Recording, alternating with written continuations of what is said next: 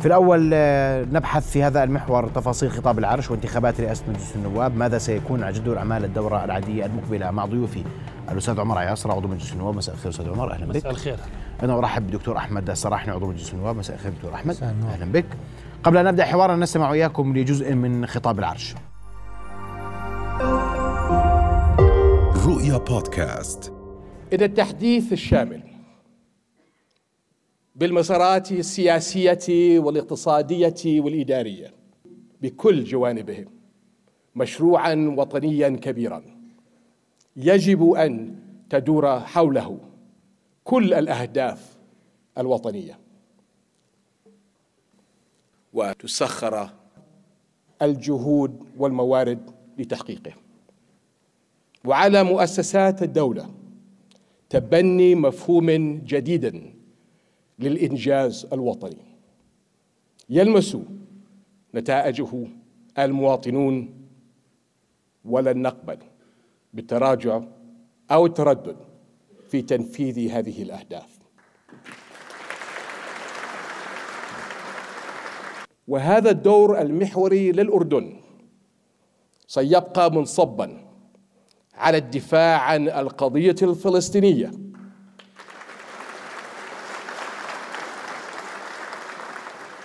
التي كلنا وما زلنا وسنبقى على مواقفنا الداعمة لها وهي على رأس أولوياتنا. ولا سبيل لتجاوزها إلا بحل عادل وشامل يبدأ بانتهاء الاحتلال الإسرائيلي.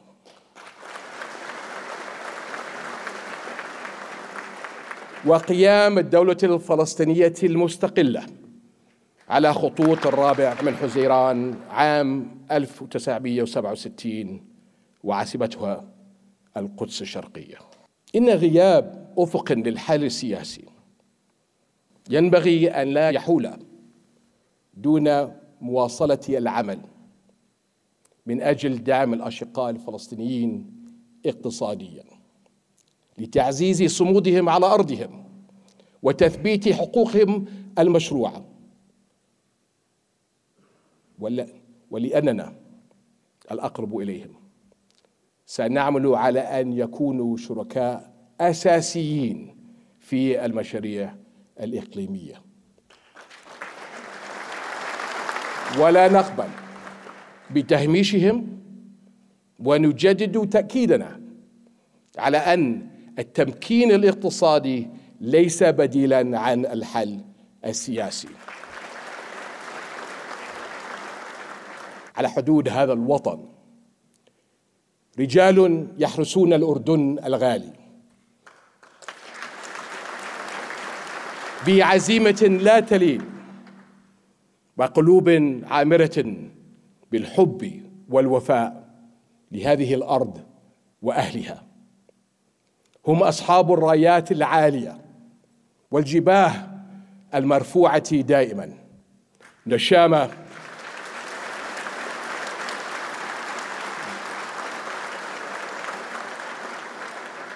نشامة الجيش العربي والأجهزة الأمنية.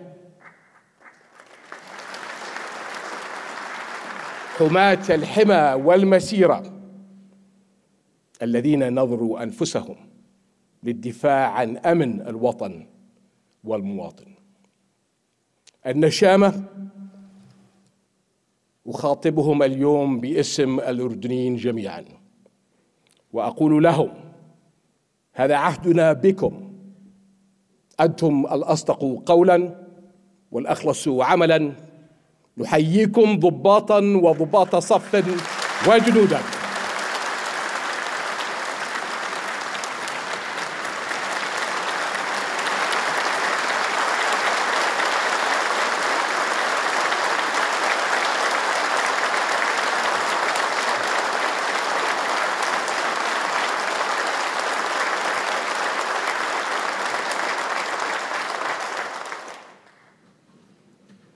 نحن معكم. وأنتم معنا بصفا واحدا وقلبا واحدا من أجل الأردن العز والأقوى.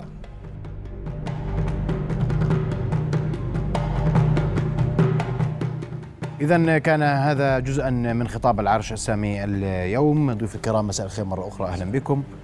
أستاذ عمر الخطاب حمل كثير من الرسائل داخليا إقليميا ودوليا. أبرز ما, ما, ما تراه في الخطاب اليوم المختلف في خطاب اليوم. يعني باعتقادي خطاب اليوم مهم يعني لحد الآن ثلاث مرات الملك افتتح الدورات سواء الدورة العادية السابقة أو الدورة آه، غير العادية التي قبلها. هذا الخطاب هو الأهم. أولا آه، في الشأن المحلي اليوم آه، جلالة الملك أعاد إنتاج المشاريع الثلاثة عمل لها يعني restart refresh تحدث عن هذه المشاريع بنوع من التفصيل ثم تحدث أنها أصبحت من واجب الجميع ثم تحدث على أنه لا رجعة عنها بمعنى لا كسل ولا تكاسل في المشروع السياسي والمشروع الاقتصادي والمشروع الإداري. ليست مرحلة ليست نزهة ليست فترة انتهينا منها ليست بالأدراج. هذا يجدد الحيوية لهذه المشاريع الثلاثة وأعتقد أنه يعني الملك بوضوح قال وحددها قال اليوم لن نقبل بالتراجع عن هذه الأهداف. هذا مهم ومهم بالشأن الداخلي وباعتقادي أن من واجب السلطة التشريعية بغرفتيها. النواب والأعيان أن تتضافر جهودها والملك اليوم ظهر قصة الفصل المرن بين السلطات. نعم. وتحدث عن هذا التعاون بين السلطة التشريعية والسلطة التنفيذية تحت هذه العناوين الثلاثة الإصلاح السياسي أو المشروع السياسي والمشروع الإداري والاقتصادي. فكأنه يقول أن الورشة لم تنتهي. لا تتكاسلوا. لن نتوقف. علينا أن نستمر. لأنه بتعرف في قوة أحيانا أحيانا في السلطة التشريعية والتنفيذية وفي بعض مفاصل الدولة. يعني قد ترى أن المسألة هي مجرد محاولة ليست أكثر. الملك يقول أنها ليست محاولة أنها هدف علينا جميعا أن نتجه باتجاهه. القضية الفلسطينية اليوم الملك اشتبك معها بطريقة باعتقادي أنها مختلفة. مثلا اليوم تحدث عن الأراضي المحتلة. الملك عادة والخطاب الأردني عادة يتحدث عن حل الدولتين. ودولة فلسطينية على حدود الرابع من حزيران 1967 وعاصمتها القدس الشرقي. اليوم يتحدث عن انتهاء الاحتلال الإسرائيلي. وهذه رسالة للتغير الذي جرى في إسرائيل. يمين صعود اليمين ونتنياهو. كأن الملك يوجه هذه الرسالة بأننا نستطيع أن نوسع بكار أحيانا مطالبنا وأهدافنا. لكن الأهم من ذلك في القضية الفلسطينية أن الملك اليوم تحدث. المشاريع الإقليمية الاقتصادية يجب أن لا تكون عنها بعيدة. السلطة الوطنية الفلسطينية. يرى مسار لمجموعة من المشاريع تجري في الإقليم وهذا تحدث عنه الملك في قمة جدة حينما جاء بايدن إلى المنطقة. قال لا يمكن ولا يجوز أن تبقى السلطة الوطنية الفلسطينية بعيدة عن هذه المشاريع والهدف اليوم حدده الملك حتى تستفيد هذه السلطة فيثبت الفلسطينيين في أرضهم. لكن اليوم بدد بعض الغيوم بقوله هذا لا يعني أن هذا مسار السلام الاقتصادي هو المسار المطلوب بل المسار هو الحل السياسي. أنا باعتقادي هذه كلمات كان فيها كثير من الوضوح إضافة إلى قصة الحديث عن الجيش وباعتقادي أن حدودنا الشمالية استلزمت هذا الثناء مرة أخرى وأيضا الظروف التي مررنا فيها في العام الماضي فيما يتعلق بالفتنة أيضا الملك اليوم تحدث عن المشككين بشكل واضح وكأنه يقول نريد أن تنطلق القاطرة أكثر فأكثر. هذا التفصيل الجديد في خطاب الملك يستحق كثير من الوقفات وبتقديري يستحق أيضا من السلطة التشريعية والتنفيذية والإعلام وأدوات الدولة أن تكون رافعة لكل ما قاله الملك. وأهم شيء في القصة أن اليوم بيحكي عندي ثلاث مشاريع الدولة عندها ثلاث مشاريع لا حيدة عنها لا تتكاسلوا. وأنا بتقدير الملك الوحيد هو الشخص الوحيد الذي يستطيع أن يدب الحياة في هذه المشاريع كلما تكاسلوا فيها كلما حاولوا يعني آه، احتوائها كلما حاولوا التحايل عليها اللي هي القوى الكسولة أو القوى أحيانا التي لا تريد الإصلاح أو القوى الشد العكسي كلها سميها زي ما بدك. لكن في النهاية الملك كأنه بيقول اليوم في هذا اليوم 13 11 اللي إحنا 2022 لا زالت هذه المشاريع يعني على عاتقه ودق صدره عليها. وهذا رسالة للجميع. أتمنى أن يلتقطها الجميع بإمعان. هذا يعني أبرز ما قيل اليوم. أيضا الملك اليوم أسف أستاذ محمد تحدث عن الأردن والجيوسياسي. تحدث عن الموقف. وهذا وهذا وأننا لسنا طرفا وأننا يعني يعني نحن جيوسياسي وقال أننا نواكب أو نراقب التغييرات التي تجري في الإقليم ولنا تحالفات. لم يتحدث بشكل واضح مثلا عن تحالف أردن مصر عراق أو عن سوريا لكنه تحدث بالعموم على أننا نستثمر الجيوسياسي لأنه في الآونة الأخيرة بدأ حديث ناقد داخل الحالة الأردنية أن السياسة الخارجية تتباطأ تتراجع وأننا بحاجة إلى تفعيل الجيوسياسي أكثر كأنه اليوم أشار إلى ذلك بالعموم. لم يتحدث بالتفصيلات. دون تفاصيل وأيضا يعني قضية أكد على موقع الأردن الإقليمي اليوم جلالة الملك اليوم أكد على موقع الأردن الإقليمي والدور الذي سيلعبه الأردن آه، وأهمية الدور السياسي الذي سيلعبه الأردن. صحيح. وأكد آه، آه، أمام الجميع بأن الأردن ليس سهل. الأردن اليوم يلعب دور مهم دور إقليمي آه، بقربه على آه، وبتوسطه للمنطقة. وكذلك أكد جلالة الملك على تحسين الوضع الاقتصادي اليوم للمواطن. أكد بشكل مباشر. صحيح. وكما تفضل زميلي آه، الدكتور عمر آه، المهم في في في خطاب جلالة الملك كل الخطاب كان مهم لكن اللي تغير اليوم أو أكد جلالة الملك على إنهاء الاحتلال الإسرائيلي. يعني هذا مهم جدا وهذا يعني آه، آه، يجب فهمه من الجميع آه، وكذلك يؤكد على دور الأردن اليوم باقليميا وسياسيا بأننا نريد إنهاء هذا الاحتلال وكليا وليس فقط في حدود جميل. معينة. ب- بدي أرجع بس معك ل- ل- لقضية لن نقبل بالتراجع عن المشاريع والرسالة كانت للجميع نعم سميهم قوى شد عكسي حتى هو كسولي سميتها أنا. وسميها قوى كسولة أيا كان يكون اليوم لا تراجع ولا تخدير ولا إبقاء في الأدراج للمشاريع التي أقرها مجلس النواب نعم، كاملة. صحيح. هذا حقيقة اليوم. المشروعين الاقتصادي والسياسي نحن اقررنا لكن الإداري لا زلنا في صدد يعني جميل لكن لا لكن آه، هناك حديث واضح صحيح. أن هذه المشاريع يجب أن تمر ويجب ولن يقبل الملك صحيح. بعدم تنفيذها وتطبيقها على الأرض. نعم نعم. هذا أمر حسم وانتهى. اليوم المطلوب يعني المطلوب كثير يعني في في في في في هذا الإطار. أول شيء تغيير النظرة إنه هاي مشاريع جدية مش محاولة. آه، التعامل معها بطريقة التعاون الآن وليست المناكفات. وباعتقادي إنه المطلوب اليوم من الجهات الرئيسية حينما نتحدث عن السلطة التنفيذية والتشريعية وحتى الأجهزة التي تتعامل مع الملف السياسي النظر إلى أن هذا المشروع أصبح مشروع الدولة. ولا مجال للرجوع عنه يتبناه الملك وأصبح خيار الدولة. اليوم يعني أنا بدي أفهم الممحي اللي بين السطور إنه ما فيش عندنا غير هيك يعني اليوم. هذا المشروع اللي إحنا يعني لا يوجد عندنا ال- ان ان ان, أن نفشل لا يوجد ترف أن نتراجع لا يوجد ترف البديل لا يوجد ترف المحاولة لا يوجد ترف الوقت. هذه هي الرسالة اليوم والتجديد عليها آه، بهذه الطريقة. إذا رجعت للخطاب اللي كان في الدورة العادية ال- ال- الأولى الملك تحدث عن المشاريع لأنه كانت القوانين رايحة علينا المشروع الإصلاح السياسي. لكن اليوم في شيء انتهى يعني تبلور وبالتالي أيضا هي رسالة للمجتمع. اليوم في قوى سياسية أيضا لا زالت تنظر إلى هذه المشاريع بطريقة غير جدية وعلى أنها يعني تشكك بجدية الدولة في التعامل معها، يعيد الملك الكرة مرة أخرى ويقول أن هناك مشاريع، يعني اليوم ملك بيجي بيقدم لك مشروع سياسي واقتصادي وإداري. بيقدم لك هذا المشروع، اشتبك معه. والمطلوب الموجودين في السلطة سواء سلطة تشريعية زي مجلس النواب أو الأعيان أو الحكومة أن تشعر نفسها وتنتج نفسها وتعيد إنتاج نفسها على قاعدة الجدية في التعامل مع هذا، وأنا أتمنى أن الملك يبقى يراقب هذا المشهد، أتمنى أن أن أن يبقى نفسه طويل في التعامل مع هذا الأمر، يعني أن لا يذهب إلى يعني أحيانا الاستسلام بعض هذه القوى، لا، كل ما الملك كان شديد في التعامل مع هذه المسألة يساعد المشروع يعني بالذهاب للأمام أكثر وأكثر ويكسر العقبات، وتحدث هو اليوم إنه هذه المشاريع ستواجهها بعض العقبات، وبتقديري إنه هذا الوعي من الملك والمشروع المطروح إذا ما يعني وتحدث عن الأخطاء ومعالجتها بوضوح طبعاً. وبكل وود- لولا أنه يرى ان انه أننا بحاجة إلى إنتاج هذا الخطاب، لم ننتهي من هذا الملف حتى نذهب إلى ملف آخر، الملف ملف وطني وأهداف وطنية وعلى الجميع أن يشتبك به، حكومات وراقبوهم قال، ودورنا كنواب صراحة في المرحلة الجاي في الدورة العادية القادمة أن نلتفت لهذا التوجيه وأن نذهب أكثر إلى الاشتباك الإيجابي، الاشتباك الابتعاد عن الاشتباك شبه التابع لأحيانا السياسات الحكومية، الاشتباك الإيجابي الصحي الوطني الحقيقي في متابعة هذه آه، المشاريع دون ضوضاء ودون أحيانا يعني يعني زعيم. على ال- على المجلس القيام بدور الرقابي على السلطة التنفيذية بما هو آت من آه، دور لهذه السلطة التنفيذية لتنفيذ وتنفيذ رسالة وتوجيهات جلالة الملك.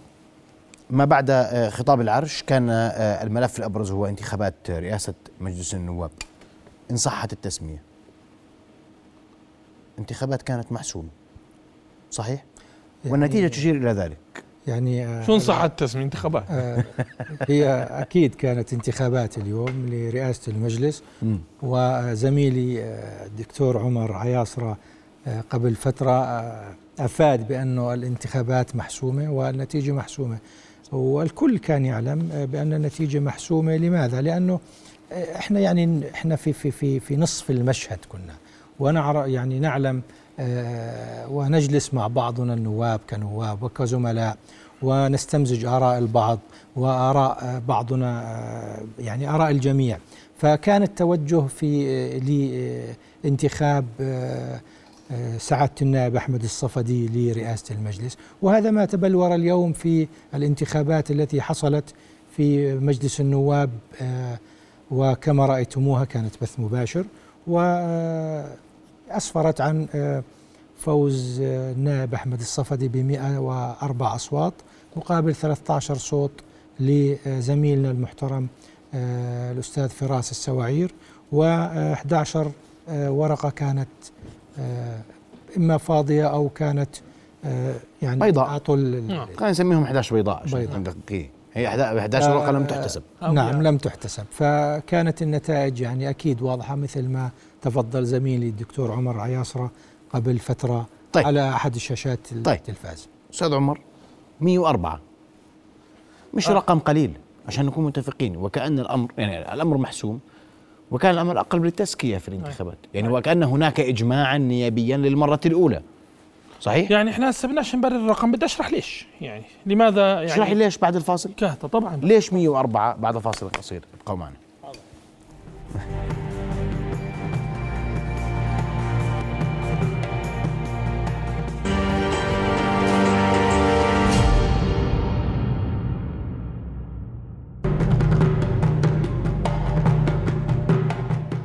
نواصل حوارنا وضيوفنا الكرام توقفت معك أستاذ عمر. وليش 104 يعني خلينا نكون واقعيين. م. اليوم الحديث عن الرقم الرقم كبير. لكن هو مش تشتغل فيه لحكومة. هو شغل داخل البرلمان بين أعضاء البرلمان بعضهم ببعض. في أسباب كثيرة وموضوعية ممكن نحكي عن مجموعة منها. أول شيء آه الرئيس أحمد الصفدي الآن أصبح رئيس مجلس النواب. على خلاف الآخرين في هذا الدورة البرلمانية يعني في هذا البرلمان رقم 19 له شعب على الأرض له قاعدة. بناها كيف؟ بناها. من خلال كونه نائب رئيس لمدة سنتين في هذا البرلمان وطبيعة شبكة علاقاته ومهارته في التعامل مع مفهوم الرجل الثاني. بالتالي له شعب يعني له مجموعة أنصار. لديه قاعدة بيوصلوش 104 ممكن. يعني مش 104 لكن له خميرة بمعنى من النواب يستطيع أن يتحالف معهم أصبح بينه وبينه شبكة علاقات يستطيع أن من خلال مش منبت الصلة عن النواب على خلاف ربما يعني الرؤساء الذين حكموا في الفترة السابقة. هذه واحدة. اثنين النواب خبرتهم قليلة. نواب جداد صح سنة ثالثة بس خبرتهم قليلة. بالتالي بدققوش كثير بخطورة الرقم. لا يسقط الأرقام وضخامتها على مفهوم الصورة السياسية لهم أمام الجمهور الأردني. وبالتالي مش كثير يعبأوا فيها. فأصبحت قصة التصويت قصة كلاسيكية تقليدية. هذا ولد أنه 104 بدهم أحمد الصفدي. وإلا لو كان النواب أو مجلس نواب آخر في خبراء سياسيين أكثر قرامي ها في مجموعة من الخبراء السياسيين نواب باعتقادي بيبدوا يحسبوها أين نضع يعني وكم وكيف. بمعنى هندسة الرقم ليست خبرة عند نواب البرلمان التاسع عشر بقدر هندسة الأرقام اللي كانت موجودة عند البرلمانات السابقة. م. يعني البرلمان السابق ممكن يهندس حاله ويعطي الرئيس سبعين. ويحجب عن الكذا وهذا هذا عامل مهم جدا. الخبرة السياسية عند النواب لا زالت في بدايتها في التعامل خاصة مع هندسة. الأمر الثالث المنافس. المنافس لأخونا آه، أحمد الصفدي المهندس فراس السواعير. آه، آه، لم يبذل جهدا لم يعني أراد أن لا تذهب الأمور يعني كانت له أهداف ليست في غايتها التنافس في أبعادها الرئيسية. يعني أنا شخصيا فقط مع فراس. آه، فقط منعا للتزكية. يعني ربما منعا للتزكية ربما الذهاب باتجاه آه، صورة ال... بمعنى أنه لم يكن هناك التنافس الحقيقي واليوم يعني إحنا مجلس آه. النواب دقاطع زميلي ومجلس النواب إتى بالانتخابات.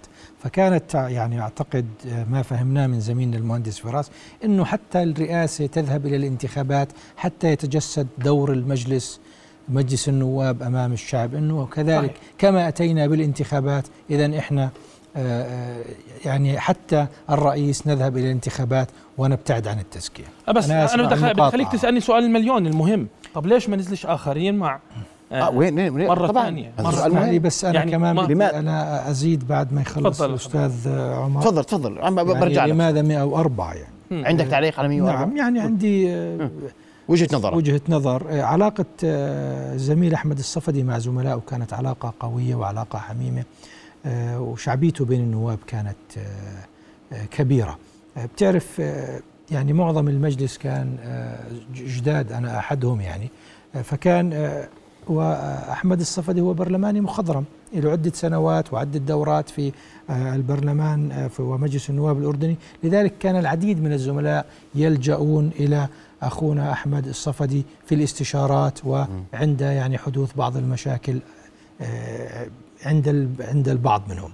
وكذلك طريقة إدارة أحمد الصفدي عندما كان نائب أول لدورتين في في في مجلس النواب التاسع عشر الحالي طريقة إدارته للجلسات كانت مريحة للزملاء وكانت يعني ملفتة للنظر للزملاء النواب. لذلك ذهبوا في اختياره رئيس لمجلس النواب.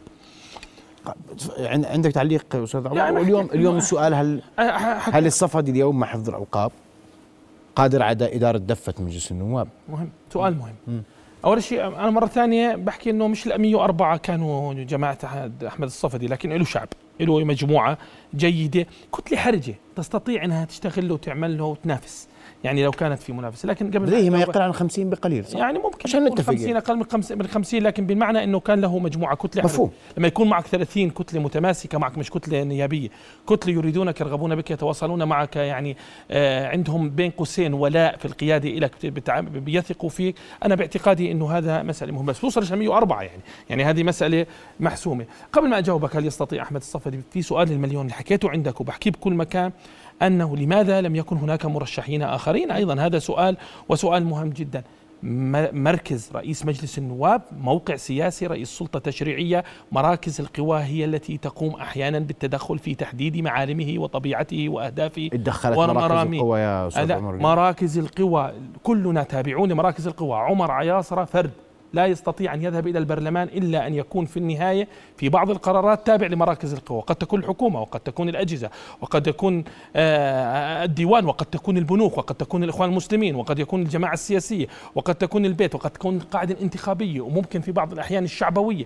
هناك الأحزاب الجديدة هناك الآن. مجموعة محددات لمراكز القوى. حتى ما نضحك على الأردنيين ونبيعهم أفيون. هذا ليس عيبا وليس عارا.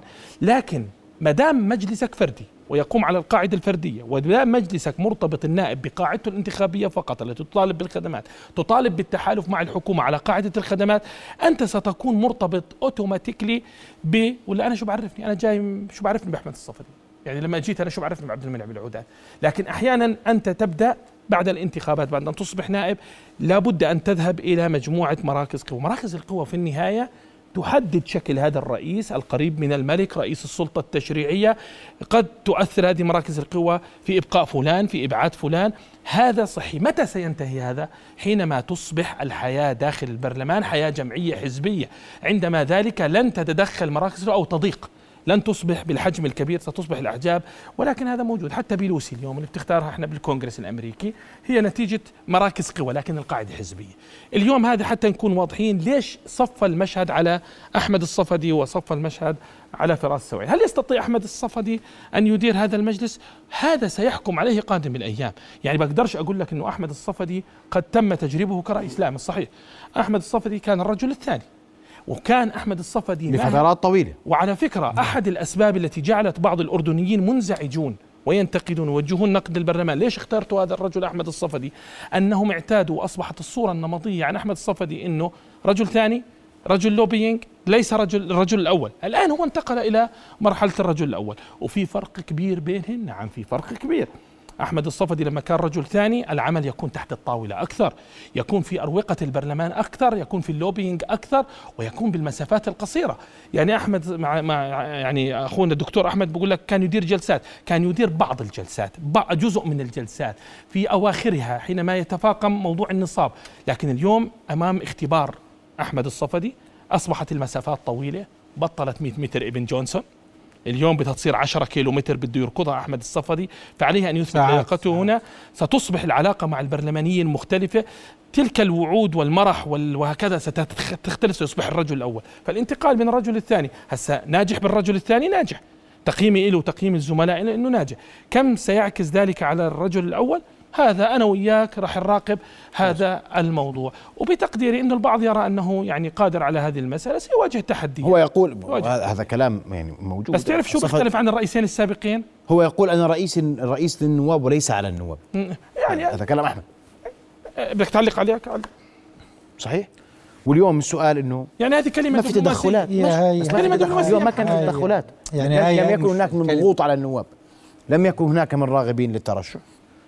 ترشح لا سيدي. ترشح ترشح اليوم خ... آه العديد من الزملاء لكن أصبحت آه تعرف يعني ك... كالعادة الانتخابات في مجلس النواب داخل أروقة مجلس النواب إنه آه يعني البعض آه يترشح عدد معين والبعض يعني يبدأ بالانسحاب حسب قراءة المشهد الموجودة وحسب نحكيها بالعامية مونة الزملاء على على بعضهم البعض. يعني ترشح اليوم زميلي زينب البدول. انسحبت آه، الزميل محمد الشطناوي انسحب. آه كذلك آه مين عندنا و- فواز. فواز الزعبي. آه يعني كما قال أخونا فواز إنه كان في الأيام الماضية فراغ سياسي. شطناوي. آه لا الفراس الزعبي سيدي. قال إنه في فراغ سياسي. شطناوي أيضا ترشح كمان. نعم والشطناوي انسحب من ال- الترشح. فلذلك هو بالعكس اليوم يعني أكثر من المرة الماضية آه، اللي نزلوا ستة أو سبعة اليوم ولكن تم لكن المرة الماضية كانت انتخابات حاسمة وواضحه ومعلمها واضحة وفي منافسة شديدة. صحيح نعم. نعم نعم هذا متفق عليه. صحيح صحيح. فلذلك يعني اليوم كانت الانتخابات آه، واضحة. واضحة. وهذا كلام معروف منذ فترة. مش اليوم عرفتوا يا النواب إنه اليوم الانتخابات واضحة. البعض عشان عشان أستاذ عشان نحكي. فوق الطاولة حكيناها أستاذ زميلي دكتور. الدكتور عمر عشان قبل نحكي فوق أسبوع الطاولة. على كان الحديث كل. الحديث عن انسحاب فراس. العجارمه من من الترشح لأن الأمور محسومة ونحتاج وقد يكون المجلس بحاجة إلى تزكية. ولا فرق بين ما حدث اليوم والتزكية إن صح التعبير. أستاذ محمد يعني إذا سمح لي الاستاذ عمر آه، هو تم التحدث مع زميلنا المهندس فراس العجارمي كما تم التحدث مع زميلنا محمد الشطناوي وزميلتنا زينب البدول وزميلنا آه، فراس ال- الزعبي آه، ومنهم من استجاب ل آه، يعني مفاوضات ومحادثات وطلبات الزملاء النواب ولكن زميلنا المهندس فراس أصر على الترشح طيب. وهذا وهذا حقه يعني حقه طبعاً. منحه الدستور وحدثت الانتخابات والنتيجه كانت آه، شفناها جميعا. واليوم الحديث أيضا عن النائب الأول. يعني يوم النائب الأول كان تنافس شديد يعني تنافس شديد بكل معنى الكلمة. دون تدخلات جولتين. ولا لا. لا ما فيش ما في تدخل. تدخلات. ما في ما في. فيش تدخلات. لا ما كانش في تدخلات. بمعنى هنا يعني كل ما قلت أهمية الموقع كلما يعني تركت مراكز القوى خيارات النواب تتسع أكثر فأكثر. خلينا نكون واضحين اليوم. يعني هناك كثير من النواب كانوا يرغبون أن يكونوا مرشحين على الرئاسة لكن مرة أخرى تفاعل مراكز القوى رغبة مراكز القوى انتماء النواب جميعا إلى مراكز القوى وهذه إرادتهم آراء النواب آه. سيدي طبعا. اراد ما هم منتمين لمراكز القوى هم النواب؟ ما هم ما هم المرشحين المرشحين سيدي آه. اللي أراد الترشح إلى موقع رئاسة المجلس المجلس استمزج آراء زملائه وشو كانت. آراء النواب يعني علمك آه، أنا لما على سبيل المثال أنا أردت الترشح واستمزجت آه، آه، زميلي رأي زميلي ال- ال- الدكتور عمر وقال لي والله أنا على سبيل المثال مرتبط مع فلان أو ما لكش فرصة هذه هي الاستمزاجات بالرأي. في مرحلة يعني في مرحلة إحنا- تمر اللي بيحكي الدكتور أحمد صحيح هناك مرحلة يصبح هناك نقاش وحوار آه واستمزاج آراء وهذا يؤثر أحيانا في اتجاهات مراكز القوى.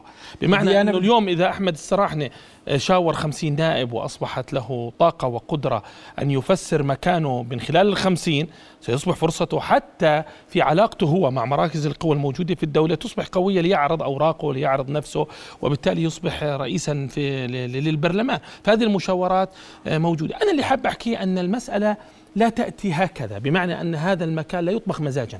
لا يطبخ مزاجا. يعني هناك يعني علاقة وشبكة آه، خلينا نسميه كيمياء بين مجموعة من القوى جزء منها النواب.